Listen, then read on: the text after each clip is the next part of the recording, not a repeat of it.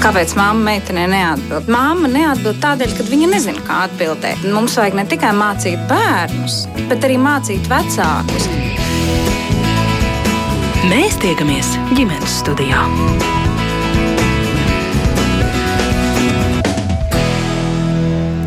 Labdien, es priecājos sveicināt jūs visus radījuma ģimenes studiju klausītājus. Mans vārds ir Agnēs Linka un šī radījuma producente ir Ilze Zvaigzne.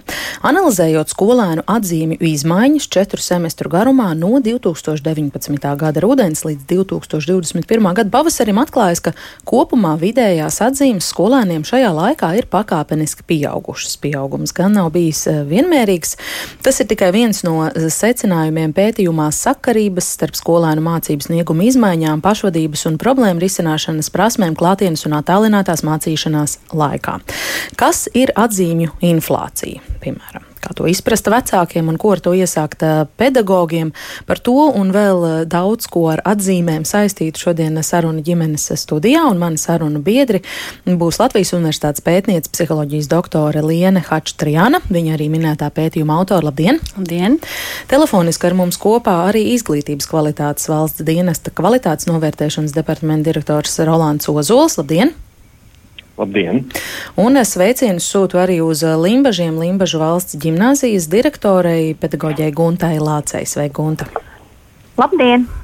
Es piebildīšu, ka šodien, kā ierasts, mēs gaidīsim arī jūsu klausītāju komentārus, viedokļus, varbūt kādus jautājumus. Ja jums ir kas sakāms mūsu šīs dienas redzījuma temata sarunas sakarā par skolēnu atzīmēm, pandēmijas laikā rakstiet, sūtiet mums ziņas no Latvijas radio mājaslapas.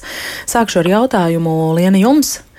Kāpēc šāds pētījums un eh, kāds ir tā mērķis? Laikam jau iesākāt to vēl mhm. pirms pandēmijas laikā un iespējams, kā attālinātās mācības salikt tajā arī savus akcentus. Vai varat tā plašāk pastāstīt? Jā, paldies, eh, paldies par iespēju pastāstīt par to. Eh, pētījums sākās 2021. gada janvārī. Un, uh, tas tiek veikts pēc doktorantūras pētniecības projektu ietvaros. Uh, un, uh, jā, nu, tā ideja man radās, un es pieteicu šo projektu ideju jau 20. gada maijā, jūnijā. Mm, tā kā rakstīju to pieteikumu un sagatavoju.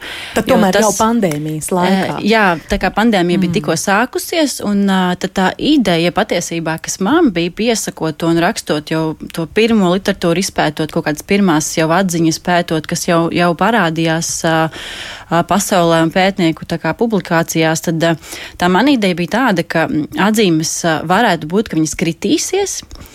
Bet uh, mana hipotēze bija, ka uh, tiem skolēniem, kuriem ir labākas prasmes, nu, teiksim, problēmu risināšanas prasmes, tātad spēja tikt galā ar kaut ko jaunu, pielāgoties jaunai situācijai, saprast, kā tad man tagad rīkoties, uh, efektīvāk risināt jaunas problēmas. Tātad, ja viņiem šādas prasmes būs augstākas, tad viņi spēs noturēt tomēr savas atzīmes. Nu, lūk, tā kā tas bija tā mana ideja, kas, uh, kas man bija sākotnēji. Un tad, protams, kad pētījums arī tika sākts, sākta jau šī realizācija. Tad apzinājām skolas, un 24 skolas no visas Latvijas piedalījās. Tā kā, tā kā tas, es domāju, ļoti labi, ka tur ir dažādas skolas, no kurām šie dati nāk, un kopā tās ir 9, 10 un 11 klases. Bet šie pirmie rezultāti, kas nu pat ir uh, publicēti un plašāk pieejami latviešu valodā, tieši tad, uh, tie ir par 11. klasēm. Mm. Bet pateikšu nedaudz priekšā, ka 10. un 9. klasēm tās tendences kopumā nav ļoti atšķirīgas.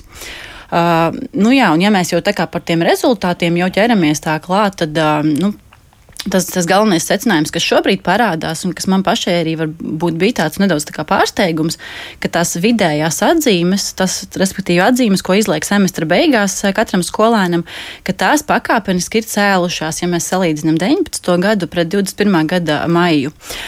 Uh, bet, jā, kā jau jūs arī minējāt, tajā pieteikumā, ka tur nu, tas nav viss tik viennozīmīgi, un uh, tas viss, viss svarīgākās nianses ir tajās detaļās. Uh, un pētot jau sīkāk tālāk, atklājām, ka prasmēm, tātad skolēnu prasmēm, tomēr bija nozīme, kādas viņiem bija atzīmes, pirmkārt, tiem atzīmu līmenim un tam, vai tās atzīmes cēlās vienmērīgi, vai tomēr bija kaut kādi posmi, kur atzīmes arī tomēr kritās. Un tad, nu, jau pasakot, jau priekšā, kā tur īsti bija beigu beigās, tad uh, kritās vairāk atzīmes tiem skolēniem, kuriem prasmes bija zemākas. Uh, un tad, tad tiem bija arī šis kritums.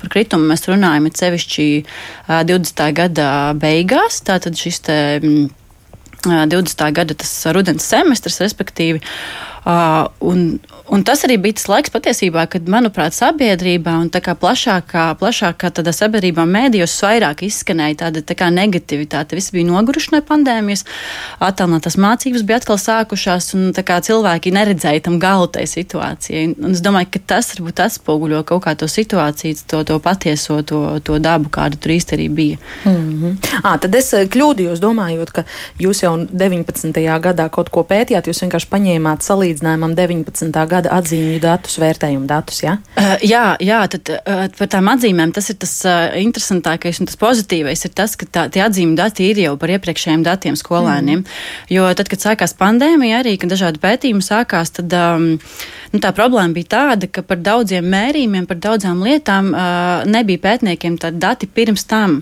nu, kas mums varētu ļaut tā uh, precīzi salīdzināt. Nu, teiksim, vieniem un tiem pašiem skolēniem būtu nomērīts kaut kāds viens tests pirms mm. Pandēmijas, un tagad mēs mērīsim atkal. Nu, lūk, un, tad, un atzīmes ir pateicīgas tādā ziņā, ka viņas ir jau, tie dati ir, un mēs ar viņiem varam tā tālāk operēt un skatīties, kā tas mainījās, un papildus likām klāt jau šos mērījumus par prasmēm, par spriešanas spējām, un tad uh, skatījāmies tās sakarības, kādas tur parādās. Mm. Jūs pieminējāt 24 skolas, kādu lauku jūs kopumā spējāt aptvert, cik skolēnu iekļaut pētījumā? Kopumā tā kā 9, 10, 11 klases jāapskata, tad tur ir vairāk kā 1500 skolēni. Uh, nu, bet 9. klases nedaudz vairāk ir, jo arī likumsakarīgi, ka ir piemēram reģionu skolas, kur varbūt pamatskolā vēl tad ir vairāk skolēnu, un attiecīgi 10. 11. klases ir vienkārši mazāk. Un tad, nu, ja skola piedalījās pētījumā, tad attiecīgi arī tās vidusskolas tas posms bija nu, tāds um, skaitliski mazāks. Mm -hmm. Un varbūt tad varat arī uzreiz skaidrot manu redzējumu ievadā pieteikto vārdu salikumu, jēdzienu atzīmju inflācija. Kas tas ir? Vai mēs runājam vienkārši par atzīmju paaugstināšanos? Mm -hmm. Jā, nu šis ir tāds interesants tāds, jēdziens, tāds koncepts, kas tagad parādās arī un ko es arī. Um, Tagad, skatoties arī materiālus dažādus, esmu atradusi, ka mm, augstskolu sakarā runā un ir pētījumi, kas parāda, ka, nu, teiksim, augstskolu līmenī jau universitātes studentiem, ka tur tāda pakāpeniska atzīme inflācija, tāds pakāpenisks vienkārši kāpums tiem vidējiem rādītājiem ir jau pamazām bijis jau vairākus gadu desmitus patiesībā. Bet par, par skolēniem tieši par šo, kas ir Covid kontekstā, tad tur ir varbūt nedaudz savādāk tas viss jāskatās. Tas, tas varbūt tieši tās pandēmijas iespējā ir. Un te es domāju, ka mums interesanti būs arī, man būs interesanti dzirdēt arī pārējo kolēģu viedokļus, varbūt arī un tās pieredzes, jo mm, te es domāju, tādas divas, divi tādi griezumi, kā mēs varam skatīties uz to. Tas pirmais ir šis iemācītā apjoma daudzums, respektīvi tās iemācītās, nu, tās mācību vielas, kā saka, tā mācību viela, vai tajā pusgadā tas skolēns iemācījās eh, tikpat daudz, cik, eh, cik viņam būtu jāiemācās klasiski, teiksim, ja nebūtu varbūt pandēmija. Tātad, un šis tā, mācību iemācītās tās vielas daudzums, tas iespējams, ka ir krities, bet tur ir tātad, nu, šie skaidrojumi var būt dažādi, un tās pieejas skolās, saprotu, arī bija dažādas. Tur noteikti es neesmu eksperts, kā katrā skolā tas tika tika kā, novadīts un uh, norganizēts. Bet tas ir tas viens, viens tas griezums. Un tas otrs skatījums ir tieši pati šī atzīme, tas cipars, jeb tas skaitlis. Un tas skaitlis, kā mēs redzam teiksim, šajos manos datos, ka te, tas skaitlis ir audzis, respektīvi viņš ir palicis lielāks. Un tad, uh, nu, Es domāju, ka tādās salīdzinājumos skatās, varbūt ar tādu nu, līdzībās pastāstīt, kā, tas, kā to varētu saprast, varbūt klausītāji vieglāk. Tad, nu, Iedomājamies, ka, piemēram, tāds astotnieks kā atzīme, un tad tā līdzība būtu, piemēram, 8 eiro. Un, nu, lūk, tad, tad cilvēkam ir šeit 8 eiro. Un, ja, piemēram, tajā iepriekšējā pusgadā viņš varēja nopirkt, piemēram, nopirkt un nogaršot sešas dažādas šokolādes tāfelītes par tiem 8 eiro. Vienu ar šokolādi, vienu ar, ar riekstiem, vienu ar rozīnēm, vienu baltu, vienu melnu. Uh, un tad, piemēram, tagad viņš par tiem 8 eiro var nogaršot tikai 4 šokolādes tāfelītes. Tad tas nozīmē, ka tie 8 eiro nav vairs tik vērtīgi, ka tur notikusi kaut kāda inflācija. Un līdzīgi arī par tām atzīmēm, nu, piemēram, mēs varam pieņemt, ka tagad ir, mums ir tie 8, tā, astotnieks, tās 8 balvas. Un, piemēram, ja Uh, piemēram, iepriekšējā pusgadā tās astoņas balvas nosedza, piemēram, sešus varbūt mācību tematus, tā kā sešas šokolādītes dažādas. Tad varbūt šajā pusgadā tas uh, astotnieks iespējams nosedzis tikai četras tās uh, mācību tēmas, varbūt ir tikai četri kontroldarbi bijuši. Un, respektīvi, paliek tās divas šokolādītes, ko mēs neesam nogaršojuši vispār. Mm. nu, tādā, ja mēs tā līdzībās runājam par to. Un, un tad, nu, tas varbūt varētu būt viens no tiem skaidrojumiem. Un, ja tā ir, tad patiesībā nu, tad varētu būt īri likumsakarīgi, ka tā atzīme ir cēlusies. Jo vienkārši viņa varbūt uh, aptver mazāk to, to satura daudzumu, mm. kas tur tajā atzīmē ir iekšā iekļauts. Un, un šeit jā, man ļoti būtu interesanti dzirdēt arī uh, komentārus no skolām, protams, jo tas katram ir tāda individuāla tā pieeja, kāda ir bijusi. Un, uh, jo to esmu dzirdējis, kad ir iespējams bijušas mazāk tēmas, kas ir paspēts. Um, apgūt. Mm. Mazāk tēmas, mazāk pārbaudas darba atzīmes, vieglāk iegūstams. Kolēģi ir pacietīgi klausījušies. Gunta, kā Lienas stāstītais sakrīt ar jūsu novērojumiem un spriedumiem? Vai jūs pieņemat šādu atzīmju inflācijas um, teoriju? Un vai to varat attiecināt uz uh, saviem skolēniem pandēmijas laikā? Gunta. Jā. Tā tad, ja mēs, man nav precīzu datu par Limbažu valsts gimnāziju tieši par konkrētām atzīmēm, bet es pieļauju, un pēc tā, kā mums izstījās, ka pavasarī tiešām šīs atzīmes varēja būt vidēji nedaudz augstākas nekā uh, pavasarī pirms gada un vēl nedaudz uh, ilgāku laika iepriekš. Bet man būtu ļoti interesanti redzēt, uh, kādas tad ir tās atzīmes, kuras ir tagad, kuras ir iegūtas jau uh, atgriežoties skolā klātienē. Jo tās lietas, kas mūs dara uzmanīgus šeit skolā un par ko mēs esam pilnīgi pārliecināti, diemžēl, ka liela daļa uh, vērtējumu netika iegūti pilnībā godīgi. Un Ir ļoti žēl, ka tas tā ir, bet tas tā ir.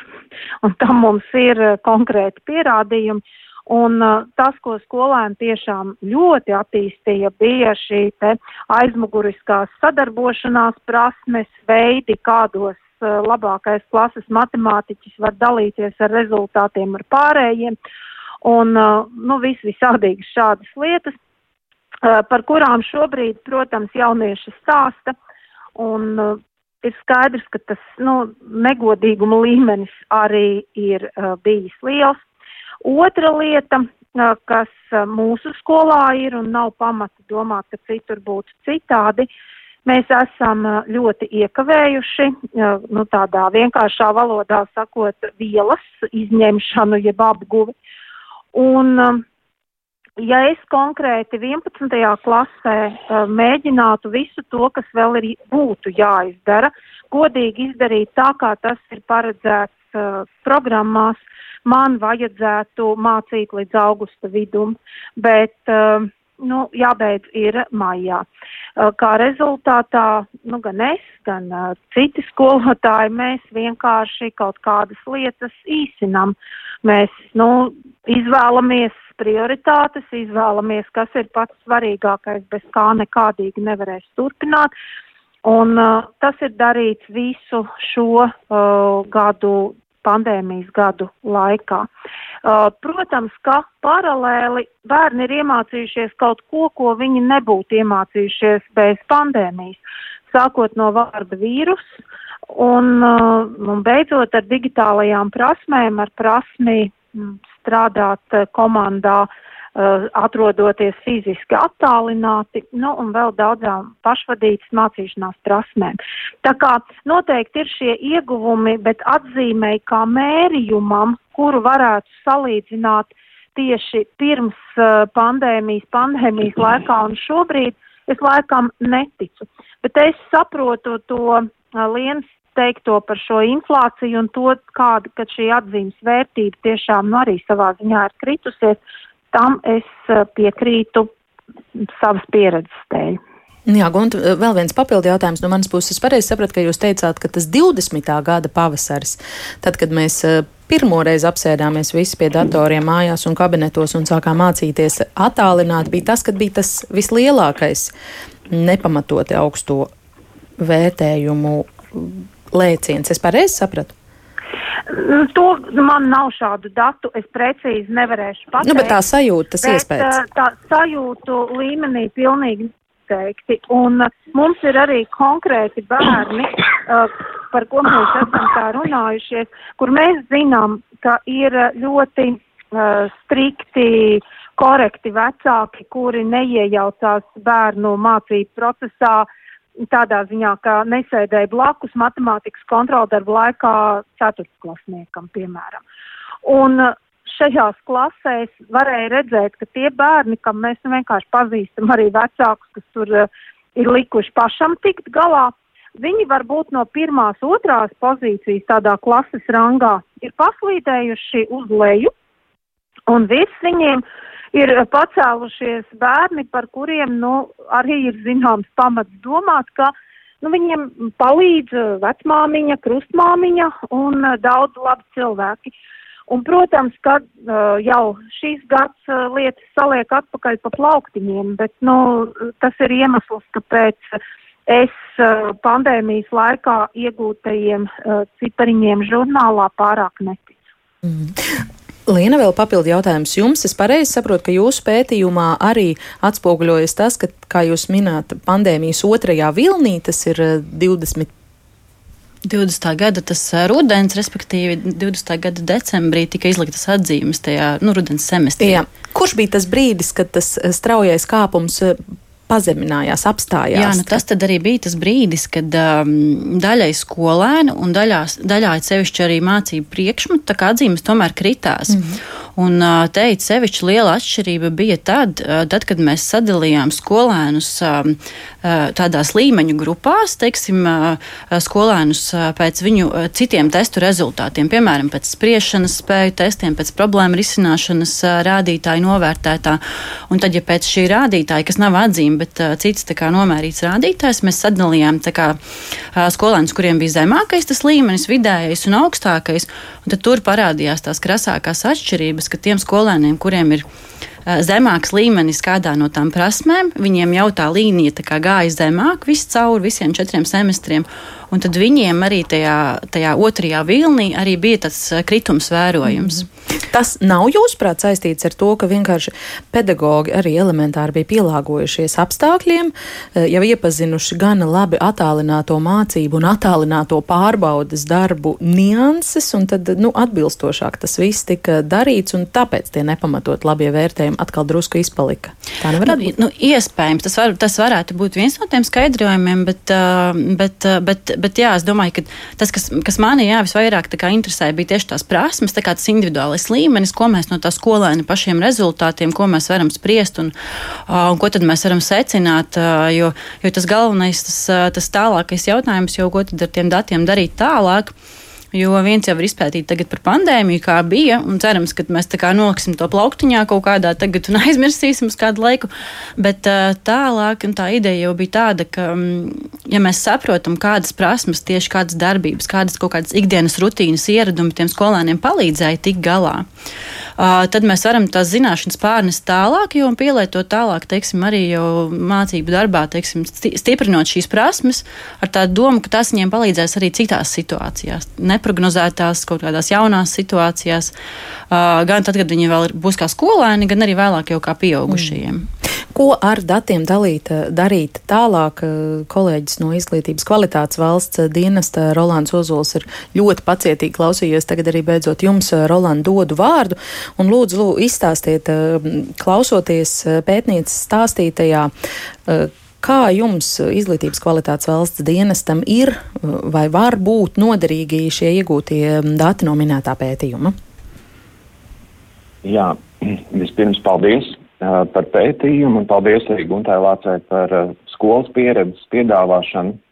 Tā pirmā ziņa, ko mēs, ko mēs dzirdam un ko mēs arī aicinām no šī gada skolas, īpaši sekot līdzi tīri statistiski vērtējumiem, kā vienam no faktoriem, kas var parādīt, kā skola strādā un kā nu, šādā veidā var analizēt faktiski un saprast, kā mums veicas, izmantojot vērtējumus. Tā būtu viena, viena sadaļa. Tātad mēs varam sekot līdzi, kā mums veicas, ko mēs protam, ņemot vērā sekmes un atzīmes, nu, vienkārši sakot atzīmes. Un tas var būt viens no veidiem, kā mēs varam saprast, kā mums strādāt veiksmīgāk, kam pievērst uzmanību vairāk, kam mazāk pievērst uzmanību. Tā ir viena ziņa. Otra ziņa, ko es dzirdu un par ko man nu, sanāk domāt, tad, kad mēs no kvalitātes dienesta visu šo attālināto mācību laiku ieguvām datus no aptuveni 400 izglītības iestādēm, Viena lieta, par kuru mēs ļoti maz šobrīd esam runājuši, ir dažādi veidi psihoemocionāli aspekti, kas ietekmē vispār bērnu un jauniešu spēju mācīties. Un šeit es varu teikt, ka varbūt es nedzirdēju šo aspektu tik plaši šobrīd apskatītu, jo tas, ko mēs secinājām, bija visdažādākās lietas, um, runājot interviju laikā gan ar atbalsta personālu, gan ar izglītības iestādēm. Mēs dzirdējām, ka bērniem ir nācies mazi bērni, piemēram, ir bijuši mājās, pieskatījuši mazus brāļus un māsas, gatavojuši ēst, kurinājuši mājas, un ir loģiski, ka viņi nevarēja pietiekami daudz laika veltīt mācībām tajā brīdī, kamēr bija šīs attālinātās mācības. Un uh, tam bija ietekme arī uz viņu psihoemocionālo stāvokli, līdz ar to tas, ko šeit nevarēja dzirdēt, ir šīs aspekts, ka faktiski, ja mēs eh, nu, skatāmies tikai un vienīgi uz sekmēm un uz to, kā līdz šīm sekmēm nokļūstam, tad jā, mēs varam kaut ko redzēt, bet mums paliek viena daļa no informācijas mazliet ārpusē šajā brīdī, kura ir ļoti, ļoti nozīmīgi ietekmējusi, kā izskatās eh, šo procesu. Vēl viena lieta, ko mēs šādi analizējot līdz galam varbūt nepamanām, uh, ir tas, eh, ka kopumā uh, to, cik veiksmīgi katrai skolai izdevās vai neizdevās, ietekmēja vēl vesela virkne dažādu, nu, tā teikt, nosacījumu. Piemēram, cik veiksmīgi skolai izdevās vai neizdevās izveidot savu sistēmu. Piemēram, pētniece pētījumā runā arī par to, cik liela nozīme ir dažādām rutīnām no rīta un ka bērni, piemēram, dodoties līdz um, skolai, sagatavojas tai, un šobrīd tas iztrūka, un kā šis tika sakārtots, un bija skolas, kur tam piegāja ļoti nopietni, un uzreiz bija tāda dienas kārtība, un uzreiz palīdzēja saprast, kā šobrīd jādzīvo, jādarbojas. Un bija skolas, kuras no sākuma tam nebija gatavas un nevarēja palīdzēt līdz ar to no savas puses. Un arī tam izrādās ir nozīme, lai mēs varētu teikt, ka turpmāk par to ir ļoti jādomā, ja mums pēkšņi jānokļūst attālināti. Um, tas, ko vēl es dzirdēju no savas puses, un, un, un gan šeit, gan citur, mēs nevienmēr ņēmām vērā, esam ņēmuši vērā to, ka ir pietiekami daudz vietas, kur ir problēmas nodrošināt kvalitatīvas tiešsaistes. Un, ja mums ir uh, problēmas ar internetu nu, pieslēgumu kvalitāti, ar uh, iespējām nodrošināt tiešsaistes mācības, tad arī tam var būt tieši ietekmes to, kāds ir rezultāts. Uh, līdz ar to um, te ir vesela virkne tādu faktoru, kuri vēl bez tiem, kas jau tika nosaukti, uh, ir ietekmējuši. Bet mana tāda, nu, viena no ziņām ir skaidra, ka atzīmes un tas, kādi ir vērtējumi, ir labs informācijas avots, kur būtiski skatīt un saprast, kas ietekmē konkrētā gadījumā un kam skolai jo īpaši jāpievērš uzmanība, tad, kad mēs nokļūstam attālinātajās mācībās. Jā, es gan šeit pēc dāmas teiktā sapratu, ka tas eh, labs informācijas avots atzīme nedaudz ir zaudējusi šo statusu attālināto mācību laikā, bet kā jūs no savām uh, profesionālajām pozīcijām, kā izglītības kvalitātes valsts dienests var uh, raudzīties un, un reaģēt uz, uh, nu, būtībā to, ko arī Guntlāts teica un Un arī pētnieces sacītajā tas parādās šī atzīmju inflācija. Tātad atzīmes ir labas, viela ir iekavēta.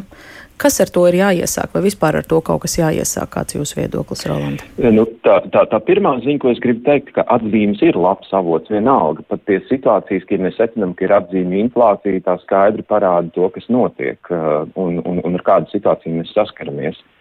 Un, uh, un tas nozīmē, ka mums ir mazliet citādāk jāraugās uz to, kas ir atzīme. Uh, ja līdz šim mēs visu laiku uz atzīmi esam raudzījušies vienā veidā, tad tas, ko mēs šobrīd varam redzēt, ka uz atzīmi var raudzīties ļoti dažādi. Un pamatā atzīme ir informācijas avots, kaut kas, no kā mēs varam iegūt informāciju un saprast, kas ir noticis pie mums. Tas, par ko runāja uh, Gunta, no savas puses Gunta Lāca, viņa tā arī skaidri teica, ka mēs varam redzēt, ka ir ļoti daudz negodīgumu bijis arī šajā procesā, ar ko ir nācies saskarties. Un arī tagad, atgriežoties, tad mēs varam redzēt, cik ļoti lielā mērā tie vērtējumi ir mainījušies, ja, ja tas ir bijis negodīgums. Bet, ja mēs skatāmies uz, um, uz, uz to, ko, ko tas mums dod um, un ko, tas, ko, ko, ko mēs no tā varam mācīties tādā valsts līmenī, um, Pirmkārt, mums ir skaidra pieredze šobrīd, ka attālināto mācību laikā nav iespējams apgūt tādu pašu apjomu saturu, kā, kā tas būtu bijis klātienē. Nu, tā ir skaidra ziņa šobrīd. Valsts izglītības satura centrs no savas puses jau sākotnēji aicināja arī skolas samazināt saturu, tur, kur tas ir atbilstoši līdz aptuveni 30% tas, ko mēs varam redzēt no, no tā, kas bija, mēs varam diezgan skaidri pamanīt, ka šis satura samazinājums arī vidēji ir bijis 30 līdz 50 procentu. Tātad 30 līdz 50 procentu no tā, kas bija jāmācās, no tām tēmām, netika pat uzsākt mācīties. Uh, viņas vienkārši tika izņemtas no satura tajā brīdī, jo viņas nebija piemērotas, lai viņas varētu apgūt attālināto mācību laikā. Un ir pilnīgi skaidrs, ka atgriežoties, kā jau direktors teica, nevar saraut, saraut šajā brīdī, un te ir vairākas lietas. Um, varētu teikt tā, ka uh, vecākajās klasēs vai vidusskolas posmā ir vērts tomēr saprast, kas uh, ir bijis apgūts, kas nav bijis apgūts un kas ir primārais, ar ko jāstrādā, jo jaunieši ir pietiekami patstāvīgi, lai arī paši varētu pateikt, uh, kur kas visvairāk ir darāms. Savukārt mazākiem bērniem ir jāsāk strādāt precīzi tur, kur mēs esam, un tālāk uh, jāvirzās lēni gar uz priekšu un ieraugot, kur parādās problēmas, kas nav apgūts, tad vai nu, ja mēs secinām, ka visa klase nav apgūsta, tad tajā brīdī ir jāsaprot, kā mēs uh, šo neapgūto robu, ja tā var izteikties, aizlāpīsim. Vai arī, ja tie ir daži bērni, tad kā mēs uh, piedāvāsim dažādas konsultācijas, atbalsta pasākumus, lai šim konkrētiem bērnam palīdzētu virzīties uz priekšu. Um, otra lieta ko, manuprāt, mēs ļoti skaidri dzirdam, mums ir ļoti nopietni jādomā par pašvadītu mācīšanos un par to, um, ka ir jāpalielina uh, ar vienu ar vienu prasmes pašiem bērniem mācīties. Jo tas, ko mums rāda arī ilgstoši akreditācijas process, ka bērni uh, nebūtu vienmēr nav gatavi paši pašvadīti mācīties un patstāvīgi, bet ļoti bieži šis uh, process, kas ir izglītības iestādēs, ir izteikti um, tikai pedagoga vadīts, un, un, un te, manuprāt, jaunais saturs un uh, kompetenci pieeja un skolu 2030 ļoti strādā pie tā, lai šīs lietas sakārtot un lai pakāpeniski viņas uh, būtu jau pavisam citā kvalitātē. Un trešais, ko es gribētu teikt, uh, mums ir ļoti jādomā, kā stiprināt izglītības iestāžu vadību šajos procesos, jo tas, ko mēs visos veidos esam redzējuši, ka, uh, un tas, ko es varbūt tik sīki nepieminēju, ka ka ļoti, ļoti daudz kas no tā, cik kvalitatīvi izdodas pārvarēt dažādu veidu grūtības, par kurām runā gan pētījums, gan uh, arī, um, ko uzrāda reāli mūsu, uh, mūsu uh, darbs, kā ļoti liela nozīme, un faktiski vislielākā nozīme ir izglītības iestāžu vadītāju prasmei un kompetencei un arī zināšanām sakārtot un pārkārtot ļoti strauji un asu šo procesu. Un, protams, ir jānovērtē tas, cik ļoti lielā slodzē viņi ir strādājuši visu šo laiku. Tāpat kā pedagogi, kurus es, protams, šobrīd nepieminēju, bet kas ir pilnīgi pašsaprotami, ka tas tā slodze ir bijusi milzīga šajā laikā arī viņiem.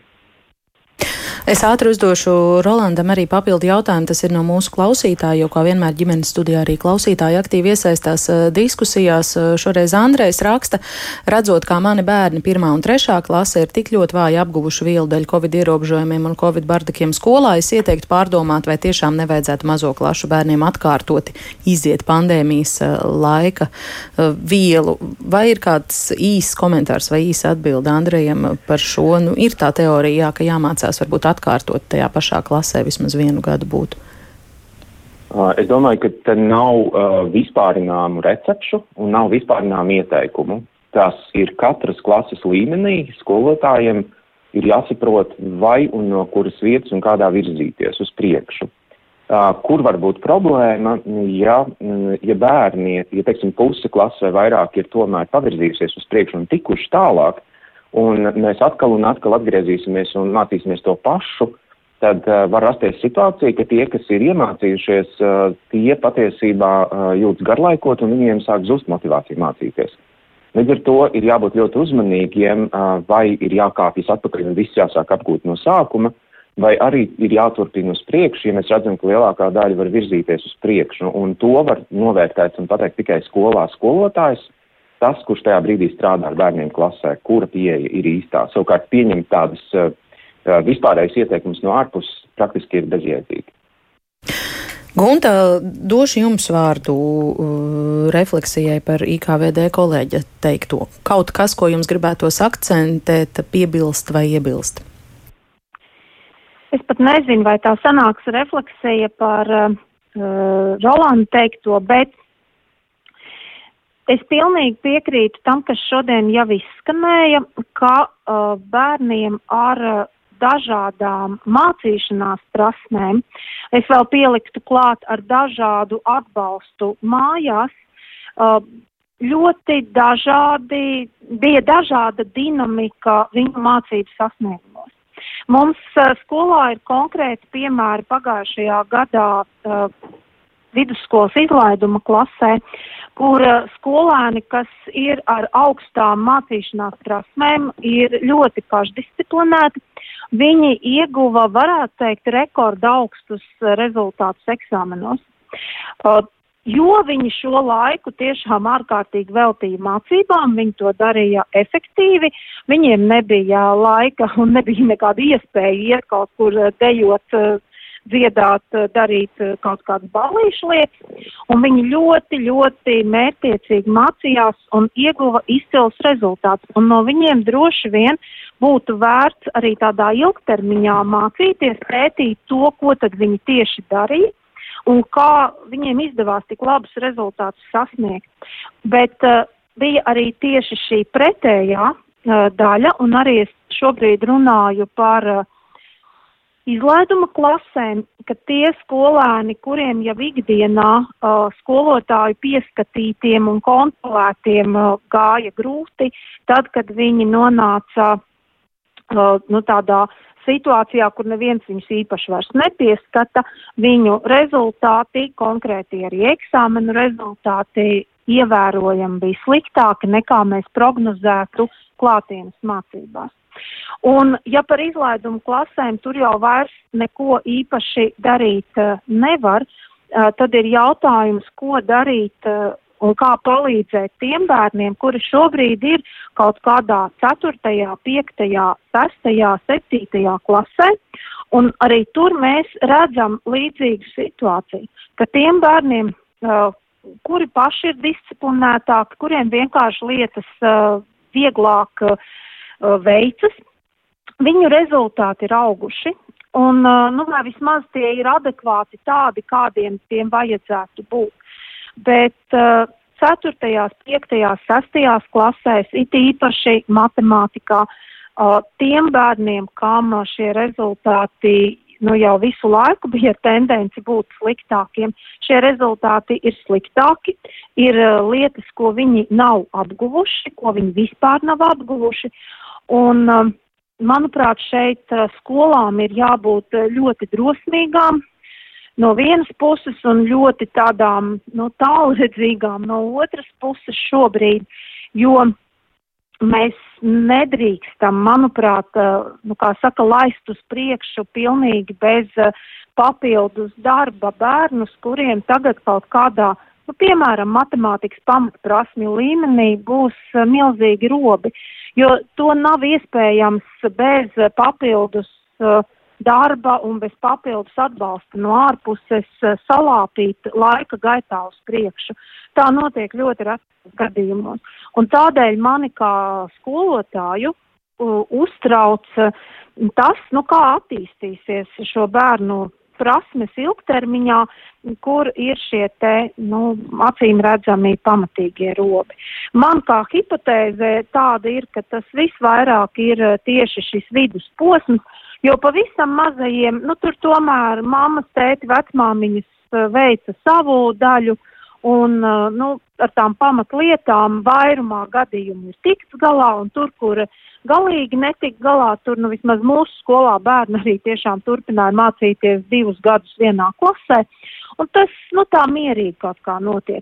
Lielie, par kuriem ir liens pētījums, um, nu, viņi paši sevi arī nopietnāk var organizēt. Bet šis uh, vidusposms manuprāt, viņš šobrīd ir tāds, kam ir ļoti jāpievērš uzmanība. Mm. Pavisam, pavisam īsi gunta papildu jautājums no manas puses. Trešo, sesto klašu diagnostiskie darbi matemātikā jau uzrāda šīs problēmas?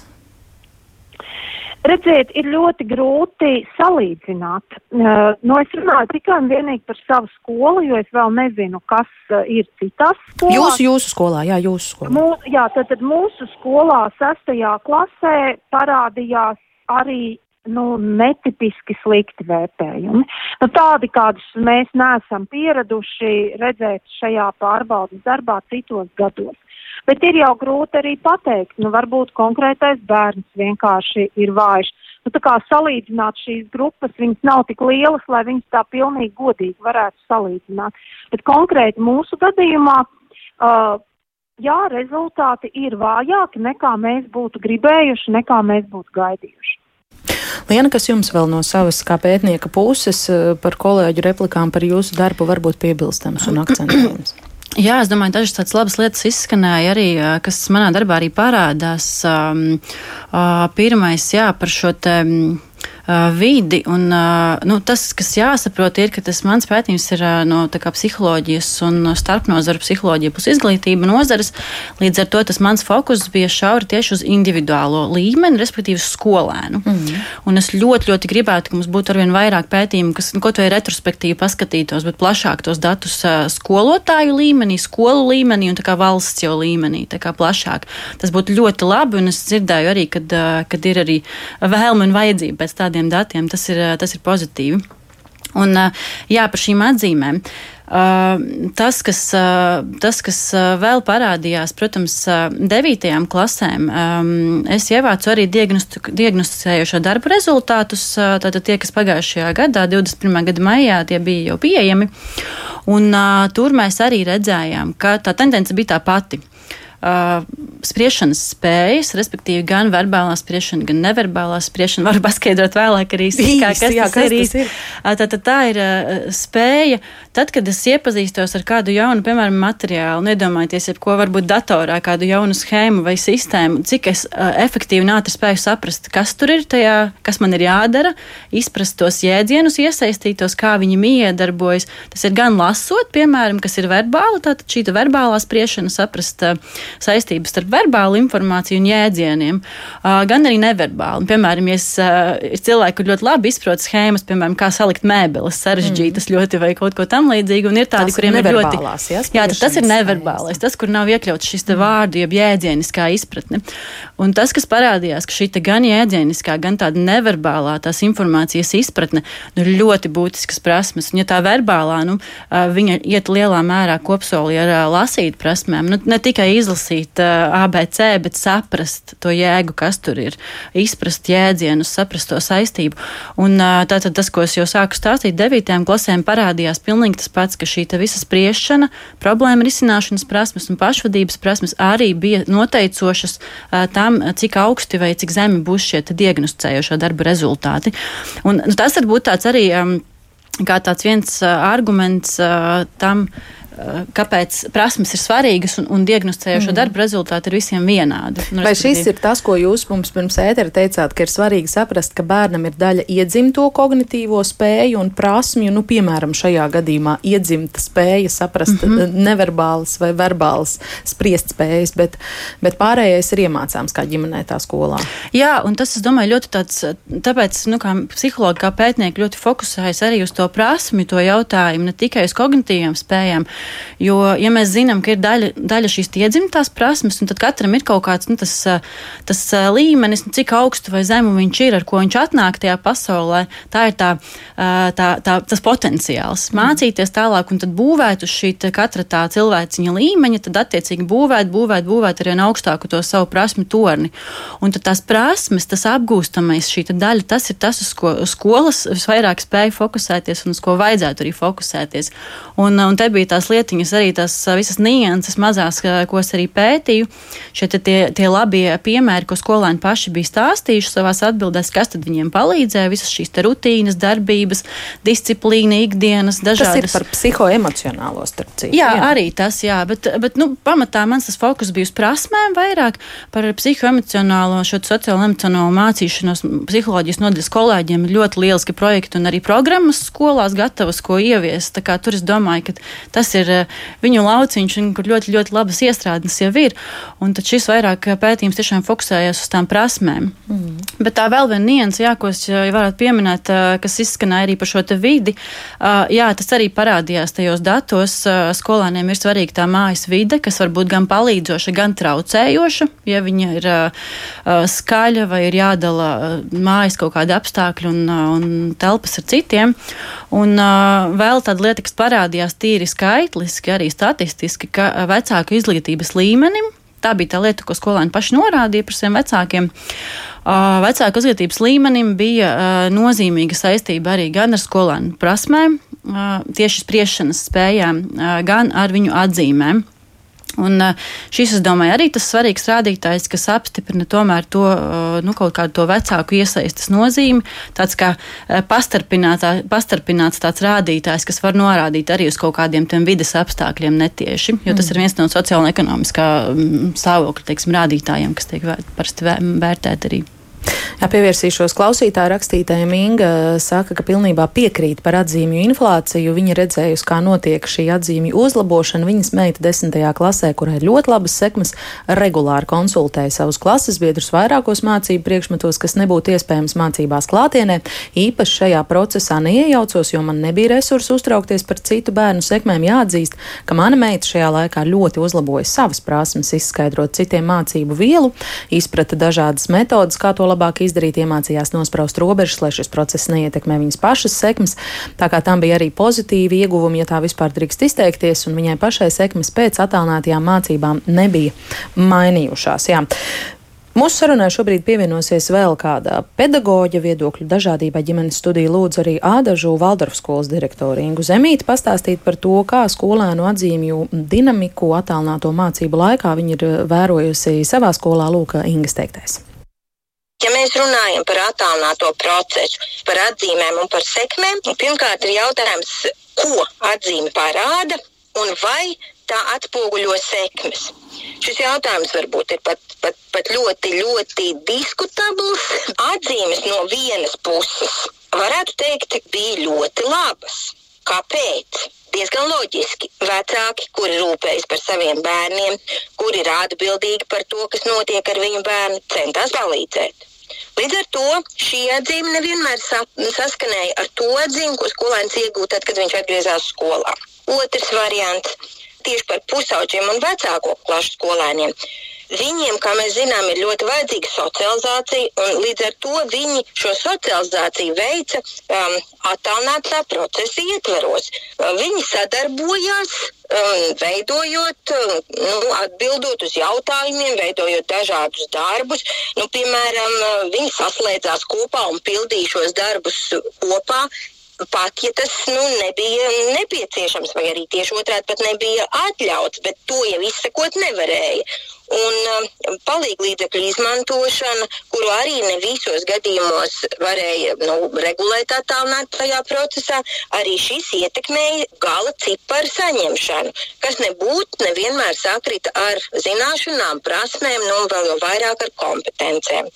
Līdz ar to um, mums radās skolā tādi divi novērojumi, ka īpaši motivēti skolēni, kuri es nevarētu sacīt, ka Latvijā šobrīd būtu ļoti daudz, tieši tāpat arī mūsu skolā, bet šie īpaši motivētie skolēni ieguva sev laiku, lai varētu strādāt un padziļināt savas zināšanas prasmes un uh, izmantoja dažādus avotus, bibliotekas, lūdza papildu nodarbības. Viņu uh, sekmes patiešām auga, bet mūsu skolā varbūt procentuāli tas ir 25%, bet arī atkarīgs no vecuma posmiem. Uh, vidusskolēniem tas ir lielāks un, un mazākiem bērniem tas ir varbūt citādāks.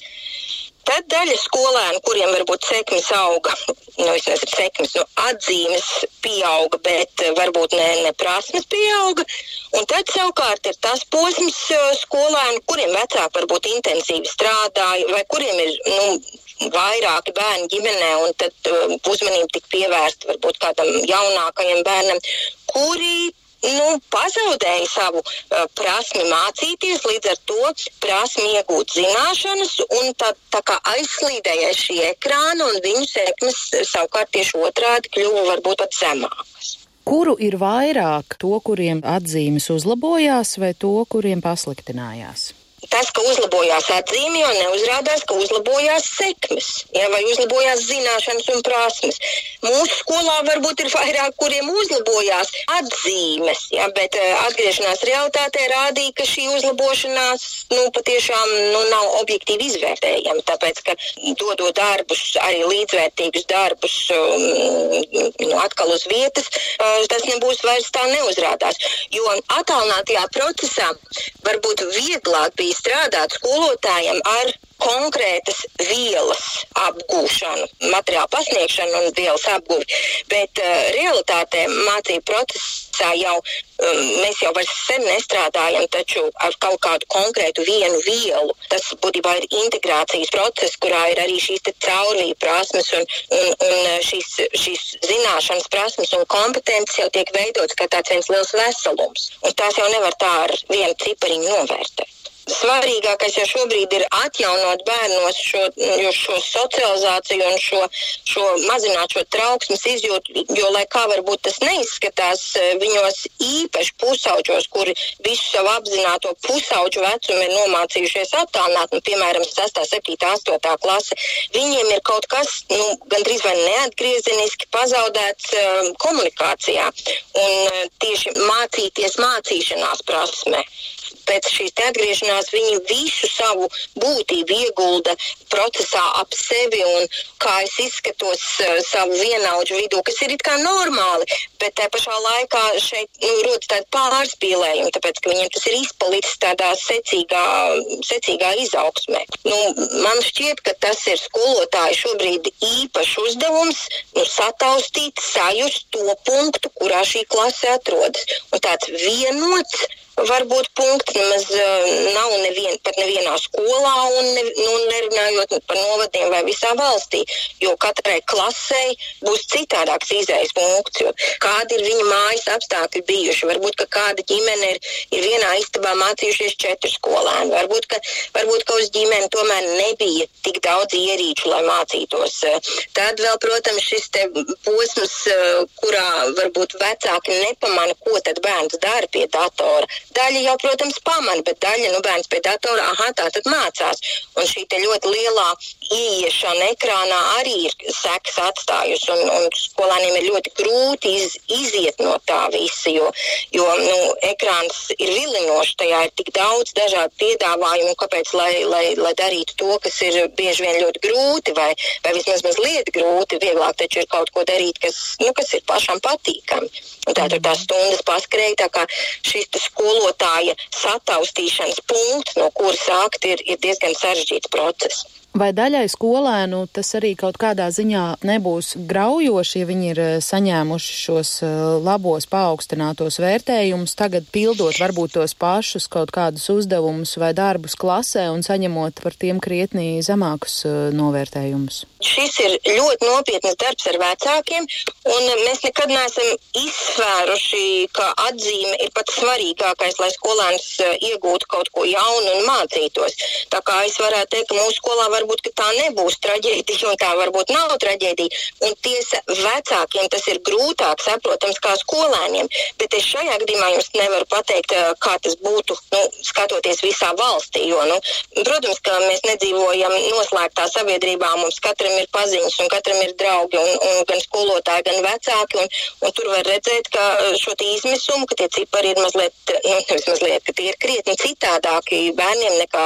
Nu, kad, kad viņi mācījās mājās kopā ar vecākiem, vai, vai savukārt eh, vecāki saka, uzdevums ir tik grūts, bērns neko nesaprot, āīs izpildīja viņu vietā. Skaidrs, ka ir nu, pilnīgi cits rādītājs nekā tad, kad, eh, tad, kad bērns ir skolā. Pašiem vecākiem pie šī būs jāpiedomā. Jā, bet es ļoti labi saprotu, ka to nevar nu, novelt vecākiem simtprocentīgi uz viņu pleciem. Tas ir, tas ir kopdarbs. Tur ir skolai kopā ar vecākiem ļoti nopietni jāstrādā, lai varētu saprast, cik kas kā ir pazudis, vai savukārt cik kas kā ir šobrīd maināms, vai varbūt arī ir kādi ieguvumi.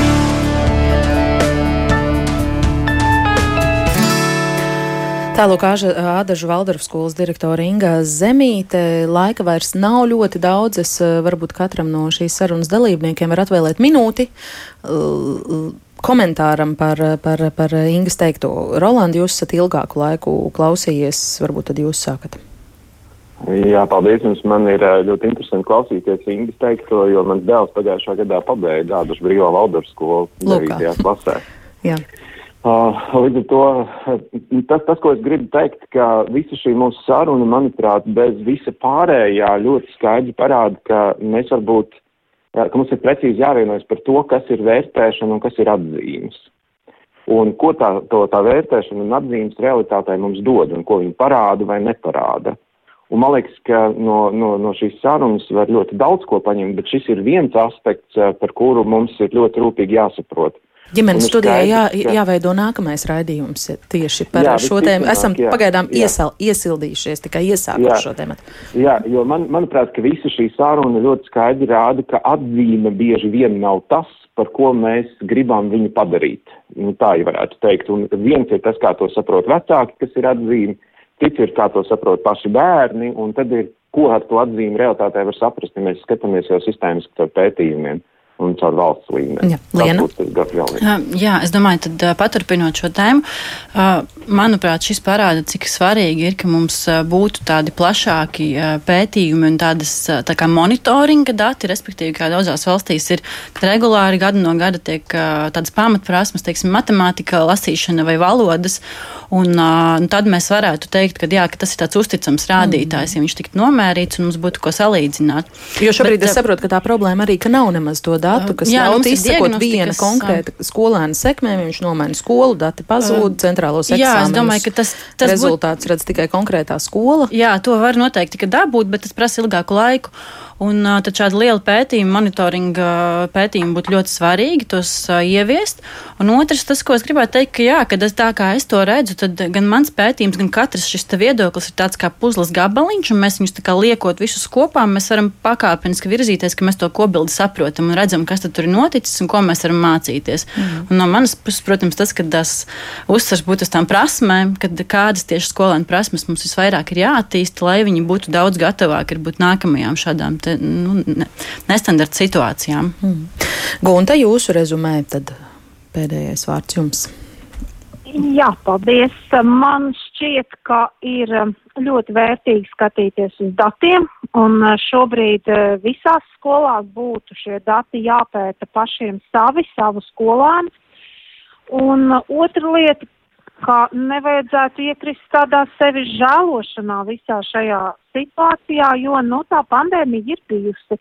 Kaut kādas lietas ir notikušas divu gadu garumā, tālāk ir jādzīvo uz priekšu. Manuprāt, ir ļoti svarīgi arī bērniem un, un skolotājiem un direktoriem un vecākiem nu, domāt par to, ko šajā brīdī ļoti konkrēti darīt, lai ļoti konkrētas prasmes uzlabotu Nu, nevis turpināt žēloties par to, ka bija ļoti grūti. Bija grūti, bet tur vairs neko nevar darīt.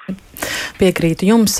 Noslēgšu ar Ineses eh, komentāru, kaut gan diez vai tam varu piekrist. Viņa raksta, vienīgais, ko varam darīt visos nākamajos izglītības posmos, organizēt iestāju pārbaudījumus, jo atzīme nekad nav bijusi pilnīgi objektīva, bet šobrīd ir pat ļoti apšaubāma.